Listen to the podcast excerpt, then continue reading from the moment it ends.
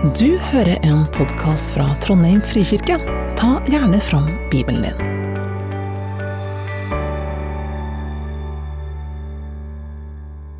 Da skal jeg lese dagens eh, tekst. Jeg skal lese fra Apostlenes gjerninger, kapittel 18, eh, og noen utvalgte vers her. Deretter forlot han Aten og kom til Korint. Her traff han en jøde som het Akvilas, født i Pontos. Sammen med sin kone Priscilla var han nylig kommet fra Italia pga. keiser Claudius' påbud om at alle jøder skulle forlate Roma. Paulus oppsøkte dem, og fordi de hadde samme håndverk, ble han boende hos dem, og de arbeidet sammen. De var teltmakere av fag. Hver sabbat hadde han samtaler i synagogen og overbeviste både jøder og grekere. Da Silas og Timoteus kom ned fra Makedonia, viet Paulus seg helt til forkynnelsen og vitnet for jødene at Jesus var Messias. Men de sa imot og hånte ham. Da ristet han støvet av klærne sine og sa til dem.: Blodet deres skal komme over deres eget hode. Jeg har ingen skyld. Fra nå av går jeg til hedningefolkene. Dermed gikk han sin vei og tok inn i huset hos en mann ved navn Titius Justus, som dyrket Gud. Huset hans lå rett ved siden av synagogen. Synagogeforstanderen Krispus kom til tro på Herren sammen med alle i sitt hus, og mange andre i Korint som hørte ham, kom til tro og ble døpt. En natt sa Herren til Paulus i et syn. Ehm, vær ikke redd, du skal ikke tie, men tale. Jeg er med deg, og ingen skal røre deg eller gjøre deg noe vondt, for i denne byen har jeg et tallrikt folk. Så ble han der halvannet år og lærte dem Guds ord. Og så fra vers 24. Til Efesos kom nå en jøde ved navn Apollos. Han stammet fra Alexandria. Han hadde ordet i sin makt og var godt kjent i Skriftene.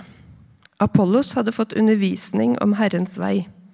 Han forkynte med stor glød og underviste grundig om Jesus, enda han bare kjente Johannesdåpen. Han begynte å tale fritt og åpent i synagogen, og der fikk Priskilla og Akvilas høre ham. De tok seg av ham og ga ham enda grundigere kjennskap til Guds vei. Da han ønsket å reise til Akaya, oppmuntret brødrene ham og skrev til disiplene at de måtte ta imot ham. Han kom dit og ble ved Guds nåde til stor hjelp for dem som hadde kommet til tro. For han satte jødene ettertrykkelig på plass når han i åpent ordskifte beviste ut fra Skriftene at Jesus var Messias. Kom, jeg står oppe her for å bare fortelle at eh, du, akkurat du, er helt vanlig. At det er egentlig ikke så veldig mye spesielt med det. At uh, du stort sett er ganske lik sidemannen. Kanskje annet kjønn, kanskje alder. Men det er det samme som liksom bor i det som bor i sidemannen. Stort sett. Jeg liker å er en sånn kikker. Det behøver ikke være positivt. Jeg vet ikke om det her er positivt, men når jeg går tur på kvelden så syns jeg det er veldig artig å se inn vinduet til folk. Som om dere ikke gjør det. Altså, og Det er veldig artig å se. og Under koronatida så har jeg full oversikt over dem som bodde i fjerde etasje på andre av, eh, på den andre blokka. Og, eh, og det skjer at folk er stort sett veldig vanlige. De ser de samme TV-seriene. De sitter der sammen. De har en godteskål som ble tom litt fortere enn de trodde. Det er liksom ja, stort sett det samme. Og Det så jeg når jeg satt og fulgte med dem på andre sida av, eh, av, eh, gata, så på den andre blokka. der. Med unntak av en som liker å gå barbeint og klippe neglene sine utfor balkongen, så det drysser ned på hovedinngangen. Så var det ingenting un unormalt med dem. Så nå kommer jeg her egentlig bare for å fortelle deg at du er helt vanlig. og um, Det er en uh, film som jeg så da jeg var liten. Er det noen Disney-fans her? Ja, der kommer de, hendene. Som heter Toy Story. Og Der møter oss en uh, leke som heter Buss. Um, Buss Lightyear. Og han, um, han har ikke helt oppdaga at han er en uh, leke. Så han kommer inn i denne lekeflokken og så tror han at han skal redde jorda. Han skal redde kloden. kloden. Eh, og så skjer det at eh, han kommer inn i et rom der han får se en reklamefilm på TV-en. Så den skal vi nå få se, den, det klippet. Det er um, en gripende eh, hendelse i denne filmen som blir hele vendepunktet. Buzz går jo inn i en slags eh, depresjon etter det her. Eh, og syns det er veldig vanskelig å innse at han er helt vanlig. At han er en av mange kopier. Flere millioner kopier. Du lurer kanskje på hvor jeg vil med dette her. Eh, jeg skal ta en liten runde til. Eh, fordi i mm, dagens samfunn, som er en reklamebasert samfunn, så er jo nettopp det her budskapet om at du skal finne din stil. Bla opp et interiørmagasin, så skal du finne din unike stil. Og det har jo blitt et eget begrep for dem som er såkalte hipstere, som har et mål da, om å finne sin helt egne stil. Sin greie, liksom. Og eh, Hvis jeg får opp powerpointen nå, så jeg ser om den kommer. Der, ja. Um, MIT Technology Review har i 2019 en sak om hvorfor er sånn at alle som har behov for å bli annerledes, sånne som hipstere har lyst til å finne sin egen stil, hvorfor er sånn at de alltid ender opp med å se helt like ut? Hva er saken? For det viser seg at når du prøver å bli annerledes enn alle andre, så blir du lik noen andre, og så blir det mainstream. Og så var det eh, Det artige med saken her var at det var en som ringte inn og klagde. Og det var han som var på det bildet der. Han ringte og klagde over at de har brukt et bilde av han i en sak om hipstere som ser helt like ut. Og Så gikk den her til sak, og alt mulig sånt, så fant de ut at det var ikke bilde av han. Det var bilde av en annen en. Sånn at han enda opp med å bli helt lik han som han ja. Eh, det er ikke lett å forsøke å være unik. Og hvor i all verden vil jeg med det her? Og så er jeg I slutten av vår taleserie som heter 'Fortsettelse følger', der også fulgt eh, disiplene og de her. her. Og eh, Der boka starter med Lukas, eh, apostelen Lukas, ikke dåpsbarnet Lukas, sin versjon av misjonsbefalinga. Der de får beskjed om å være mine vitner i Jerusalem, i Judea, Samaria og like til verdens ender.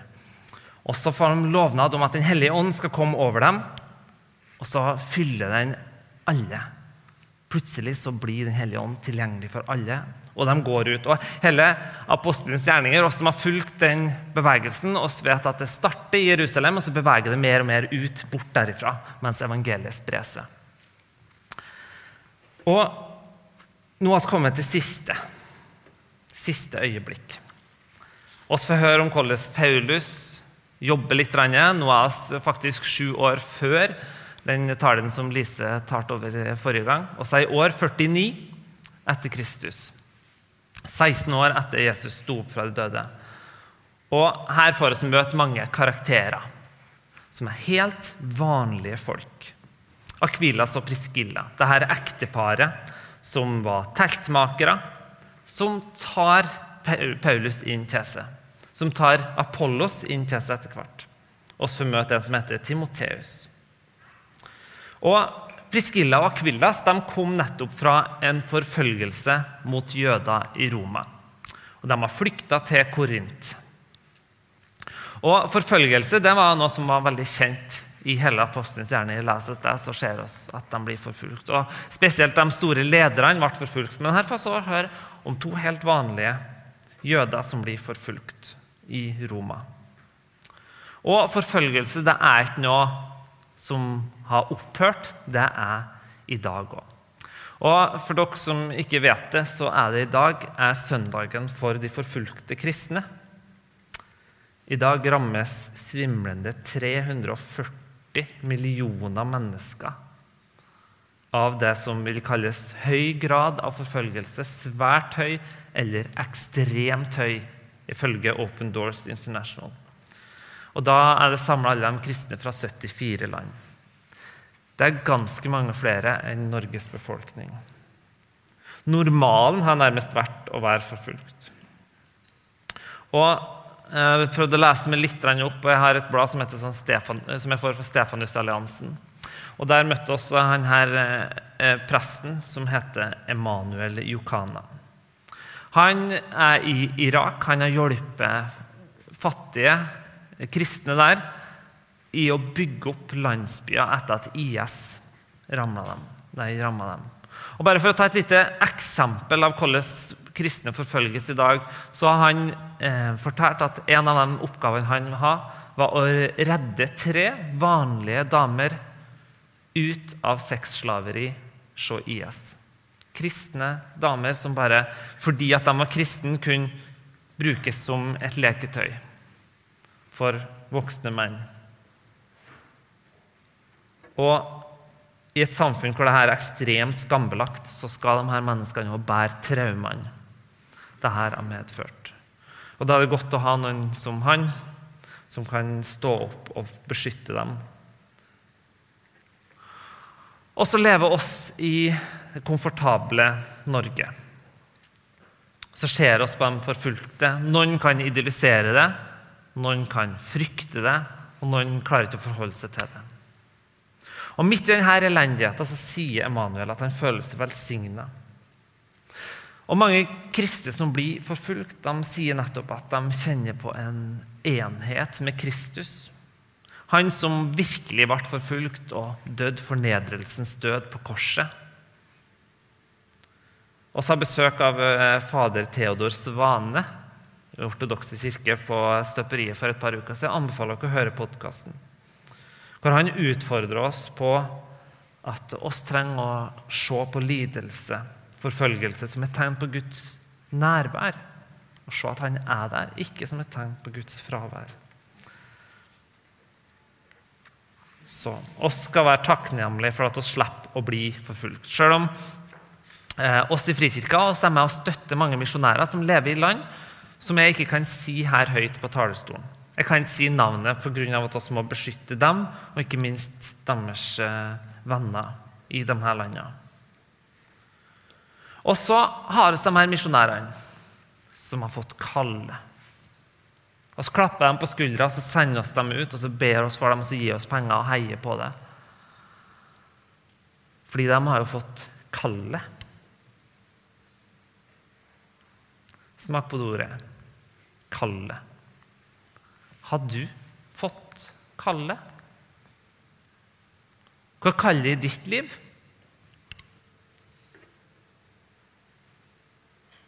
Når vi hører ordet 'kalle', så tenker vi kanskje på prestekalle, pastorkalle. Kanskje noen har lest litt Luther og vet at det kan være kalt til å være universitetsprofessor eller, um, eller snekker. Eller mor, eller ja. Og for meg som har studert i åtte år og hele den der pakka der med eh, teologi, så må han deale med denne kalde greia. Og for meg så skal jeg være litt personlig nå. En av dem som hjalp meg mest gjennom det, var en som heter Magnus Malm. Han er en av de forfatterne som hvis det ligger en bok ute der på bokbordet, så kan jeg bare kjøpe. Fordi han har en klokskap og en evne til å rive opp litt i oss, og det trenger oss noen gang. Og han sier at denne letinga etter kallet med stor K, om enn hvor godt den passer inn i denne kulturen vi lever i, der vi skal finne oss sjøl, være unike og hele pakka, så kan den bli ganske skadelig. For hva skjer egentlig når 200 250 mennesker som er her i dag, driver og leter etter vårt kall. Noen tenker kanskje jo det er lett for deg som har denne snippen og hele pakka. Du har jo et tydelig kall, men kommer med. blir ikke fort A- og B-lag. Det er A-laget som Magnus Malm sier produserer åndelighet, og B-laget konsumerer. Kom oss med å tenke nytt om kallet. Og så sier Magnus Malm at hvis han har fått kallet, så står han på kanten til å mislykkes, og det rammer hele ens identitet. Hvis han opplever å ikke ha fått kallet, så føler han seg kanskje utafor, som en som ikke kan bidra med noe. Som ingenting. Og Jeg husker jeg gikk i menighet i Oslo og følte at jeg var sånn ok flink på det meste, men ikke skikkelig god på noe. Og den menigheten ikke var en sånn profesjonell menighet. Sånn, her er det liksom bare de beste som får lov til å gjøre ting. Og så følte jeg hvor er min plass i det her? Hører jeg til her? Det var opplevelsen av å ikke ha Kalle, men hva da når jeg her går hver dag på jobb og føler meg kalla? Er jeg pastor? Jeg sier jo det. Jeg er pastor. Jeg sier ikke at jeg jobber som pastor nødvendigvis. Hva da når jeg mislykkes? Hva da når konfirmantene har tvinna tommeltotter hele økta, og du ser at ingenting når inn? Hva da når du møter opp på talerstolen med manuset fra i går, sånn som jeg gjorde tidligere i høst? Feil manus. Kunne jeg da, når jeg mislykkes i jobben, og det er min identitet? For Magnus Malmen sier at Utfordringa med denne kallsforståelsen er at vi knytter den så veldig til vår person. Du har fått prestekallet, misjonærkallet.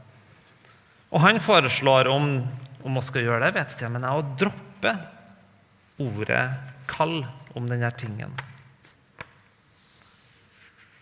Og Hvis vi ser til apostlenes gjerninger, så tok jeg et lite søk. Og ordet 'kall' brukes aldri om at du har fått en spesielt oppgave eller rolle eller noe sånt av Gud.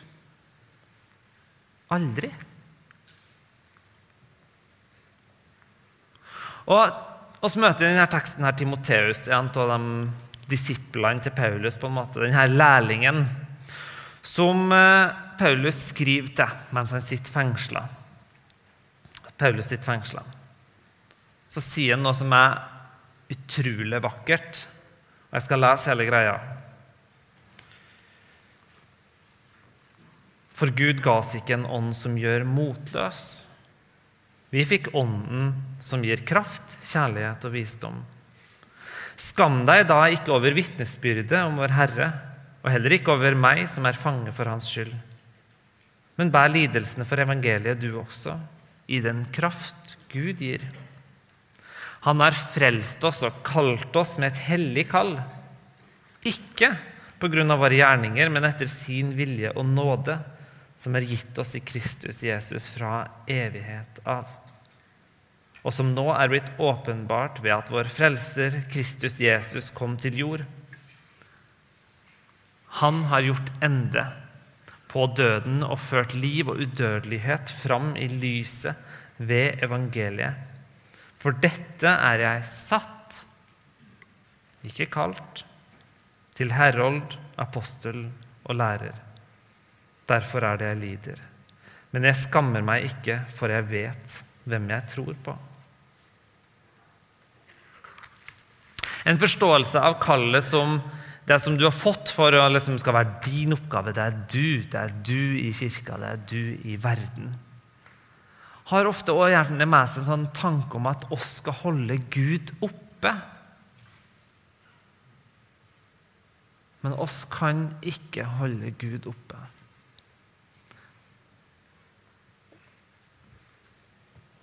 Og der er òg Paulus ganske tydelig. Og Dette skal dere få på spørsmål i gruppa når han sier tidligere Gud, han som skapte verden og alt som er i den, han som er herre over himmel og jord, han bor ikke i tempelet reist av menneskehender. Han trenger heller ikke noe av det som mennesker kan tjene ham med. Det er jo han som gir liv og ånde, ja, alt til alle. Altså, Hvor blir det av kallet, da? Jo, kallet, det er der. Han har frelst oss med et hellig kall, sier Paulus. Alle har fått et hellig kall. Og det hellige kallet, ordet hellig betyr jo annerledes. Det er annerledes. For det er et kall til å komme. Komme til Jesus. Komme og legge av seg byrdene. Komme og bare være. Komme og hvile. Jeg bruker noen ganger å si det at eh, Adam, det første mennesket, han som på en måte fikk kallet med stor K første han måtte gjøre, var å hvile. Den første dagen var sabbaten.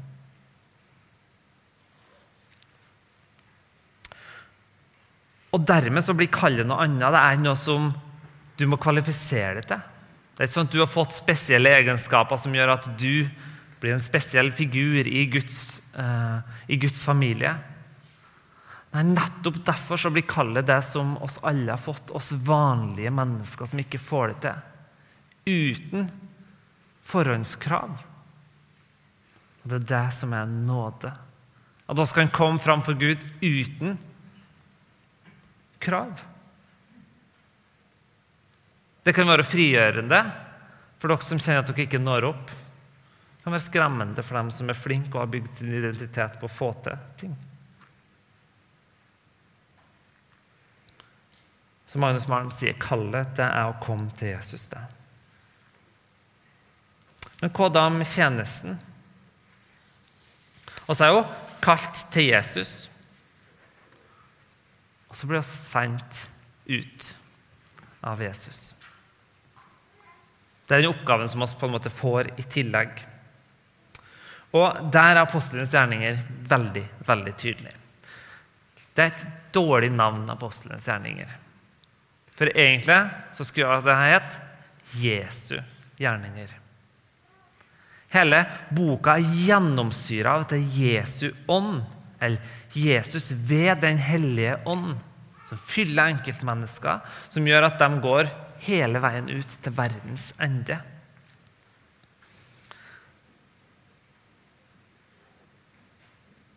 Og når Lukas, evangelisten, skal beskrive dette her, så Hvis dere skal gå hjem og lese Apostelens gjerninger en gang til, for dere syns det var så bra, så kan dere se at en del av de historiene om Peter og Paulus de er veldig like historiene om Jesus. De er nesten identiske, de bare bytta ut noen navn. For eksempel ehm, så sier, ehm, så sier Jesus i Lukasevangeliet 'Talita kumi' til ei lita jente som er død, og som står opp igjen, som betyr 'lille jente, stå opp og gå'. Og når Peter skal helbrede Tabita, så sier han 'Tabita, stå opp og gå'. Og det her gjør ikke, det gjør ikke Lukas for å vise at Se, Paulus og Peter de er spesielle figurer som ligner ekstra mye på Jesus, som får denne myndigheten. Nei, nettopp for å ta bort fokuset på dem og vise at det er Jesus som jobber gjennom dem. At han designer historiene sånn at de ligner.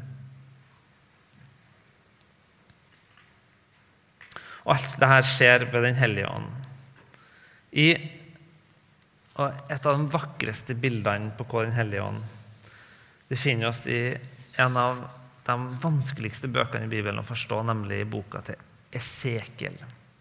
I nest siste kapittelet der, Esekiel 47, så får oss en visjon. Og så må vi huske at eh, israelsfolket var sendt ut av landet. De var sendt øst pga. at de har mislykkes i sin oppdrag om å være et spesielt folk som skulle bringe velsignelse til verden, så har de blitt okkupert og sendt østover ut. Og da får Esekiel en visjon, et bilde. Han førte meg til tempelinngangen. Og se, vann strømmet ut av terskelen på østsiden av tempelet. For tempelfasaden vender mot øst. Han sa til meg, 'Dette vannet renner til områdene øst og ned på Arabarsletten.' Arabarsletten det er der eh, Dødehavet ligger. Er der Jeriko ligger. Sodoma og Gomorra lå der. Og når det renner ut i sjøen i Dødehavet, blir vannet der friskt. Alle levende vesener som det kryr av overalt hvor, denne, hvor denne elven renner, skal få leve. Der skal det bli mengder av fisk, for, vann, for hvor dette vannet kommer, blir alt friskt og levende, alt som er der elven renner. Og så blir Esekiel utfordra på å hoppe ut i vannet. Bli med på bevegelsen. Tempelet som skulle representere Guds nærvær, der skulle Gud være med sitt nærvær, sin hellighet. Det begynner å renne ting ut derifra. Østover. Og i starten så står det at det pipler, og så begynner det å renne, og så begynner det å fosse vann lenger og lenger ut. Og ser hvordan Guds livgivende kraft bare fyller de mørkeste, dypeste, dødeste plassene. Og det er et bilde på Den hellige ånd. Og når Jesus tar opp igjen denne tråden her i vannseremonien på løvehyttefesten, som var en eh, seremoni som minnes Guds trofasthet og hans sin eh, ja, med bl.a. dette vannmotivet. At han skulle komme med Den hellige ånd til alle sammen. Så roper han ut, overdøver hele forsamlingen. Den som tørster, skal komme til meg og drikke. Den som tror på meg, fra hans indre skal det, som Skriften sier, renne elver av levende vann. Levende vann. Dette sa han om ånden de som trodde på ham, skulle få. For israelittene var det levende vann helt konkret. Det var det vannet som kom overfra. Det var det som rant nedover i bekka. For det var friskt og rent og godt og ga liv. Men i regntida måtte de nøye seg med dødt vann. Det som var nederst i dalen, det du måtte gå ned for å jobbe for å hente. Ikke det som kom ovenfra. Så Jesus er helt bevisst på at han bruker ordet 'levende vann' om Den hellige ånd, for det er ikke noe som er forhåndskvalifisert til. Det kommer ovenfra, det kommer innenfra. Det er uten jobb. Kallet vårt er å komme til Jesus og la Den hellige ånd få lov til å vokse inni oss. Så oss òg blir en kilde til andre. Så også blir lomma av himmel på jord. Som kan spre velsignelse, sånn som kallet til Abraham en gang var.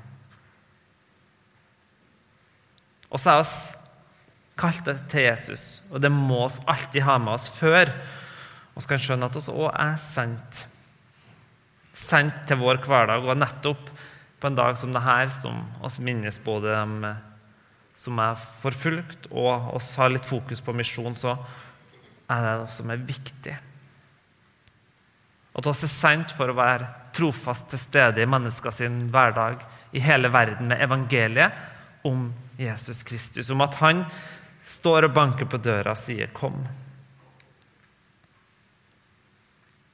Så er det mange som sitter på gjerdet og venter. For noen venter på den riktige og behagelige tjenesten. Noen venter på å ha livet på plass, noen venter på full oversikt over teologi og hele den pakka der.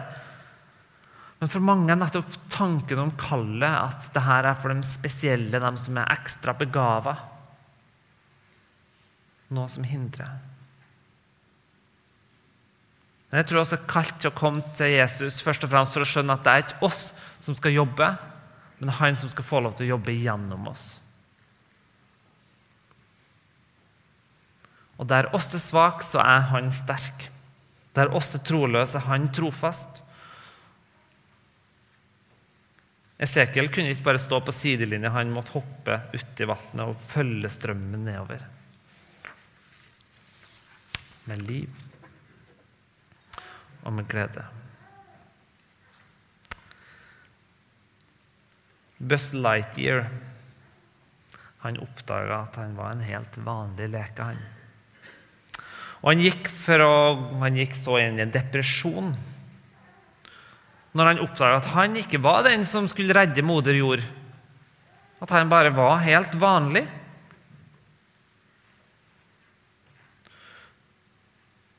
Og så gikk han helt inn i grøfta.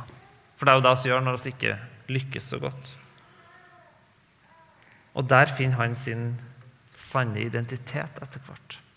For han får en invitasjon av en som heter Woody, han som er frammest der, om et vennskap. På samme måte som Jesus inviterer oss til å bli venner med han. Der finner han sin sanne identitet. Han er en leke. Ikke bare det, han er Andy sin leke.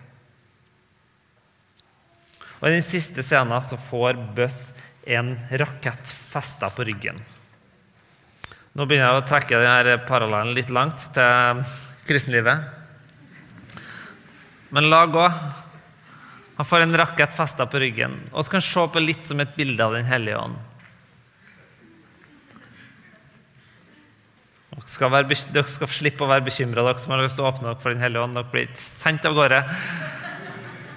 Han er en gentleman. Men da, når han flyr bortover der i raketten, så får han endelig lov til å bre ut vingene sine. Det som skiller han fra de andre lekene, det som gjør han unik fra de andre lekene, får han lov til å slå ut, så får han vise at han kan fly. Han får lov til å være med raketten på en utrolig ferd som ender hjem. Som ender til fellesskap. Ikke bare for han, men for kompisen òg. Sammen med Andy, eieren. Så får han lov til å være Andy sin leke. Og det er et bilde fra ordspråkene som jeg skal ta med helt til slutt. På en dag som oss minnes farsdagen òg, så har vi en himmelsk pappa som eh, oss kan få lov til å ha samme relasjon til som Jesus har. Og Det står nå i ordspråkene lenge før Jesus kom, men det står om Jesus, så står det om visdommen. Og så står det Jeg lekte stadig for hans ansikt lekte foran Faderens ansikt. I dag etter dag fikk han leke og bli sett på og elska av den gode far som er mye bedre enn noen andre fedre på jorda noen gang har vært.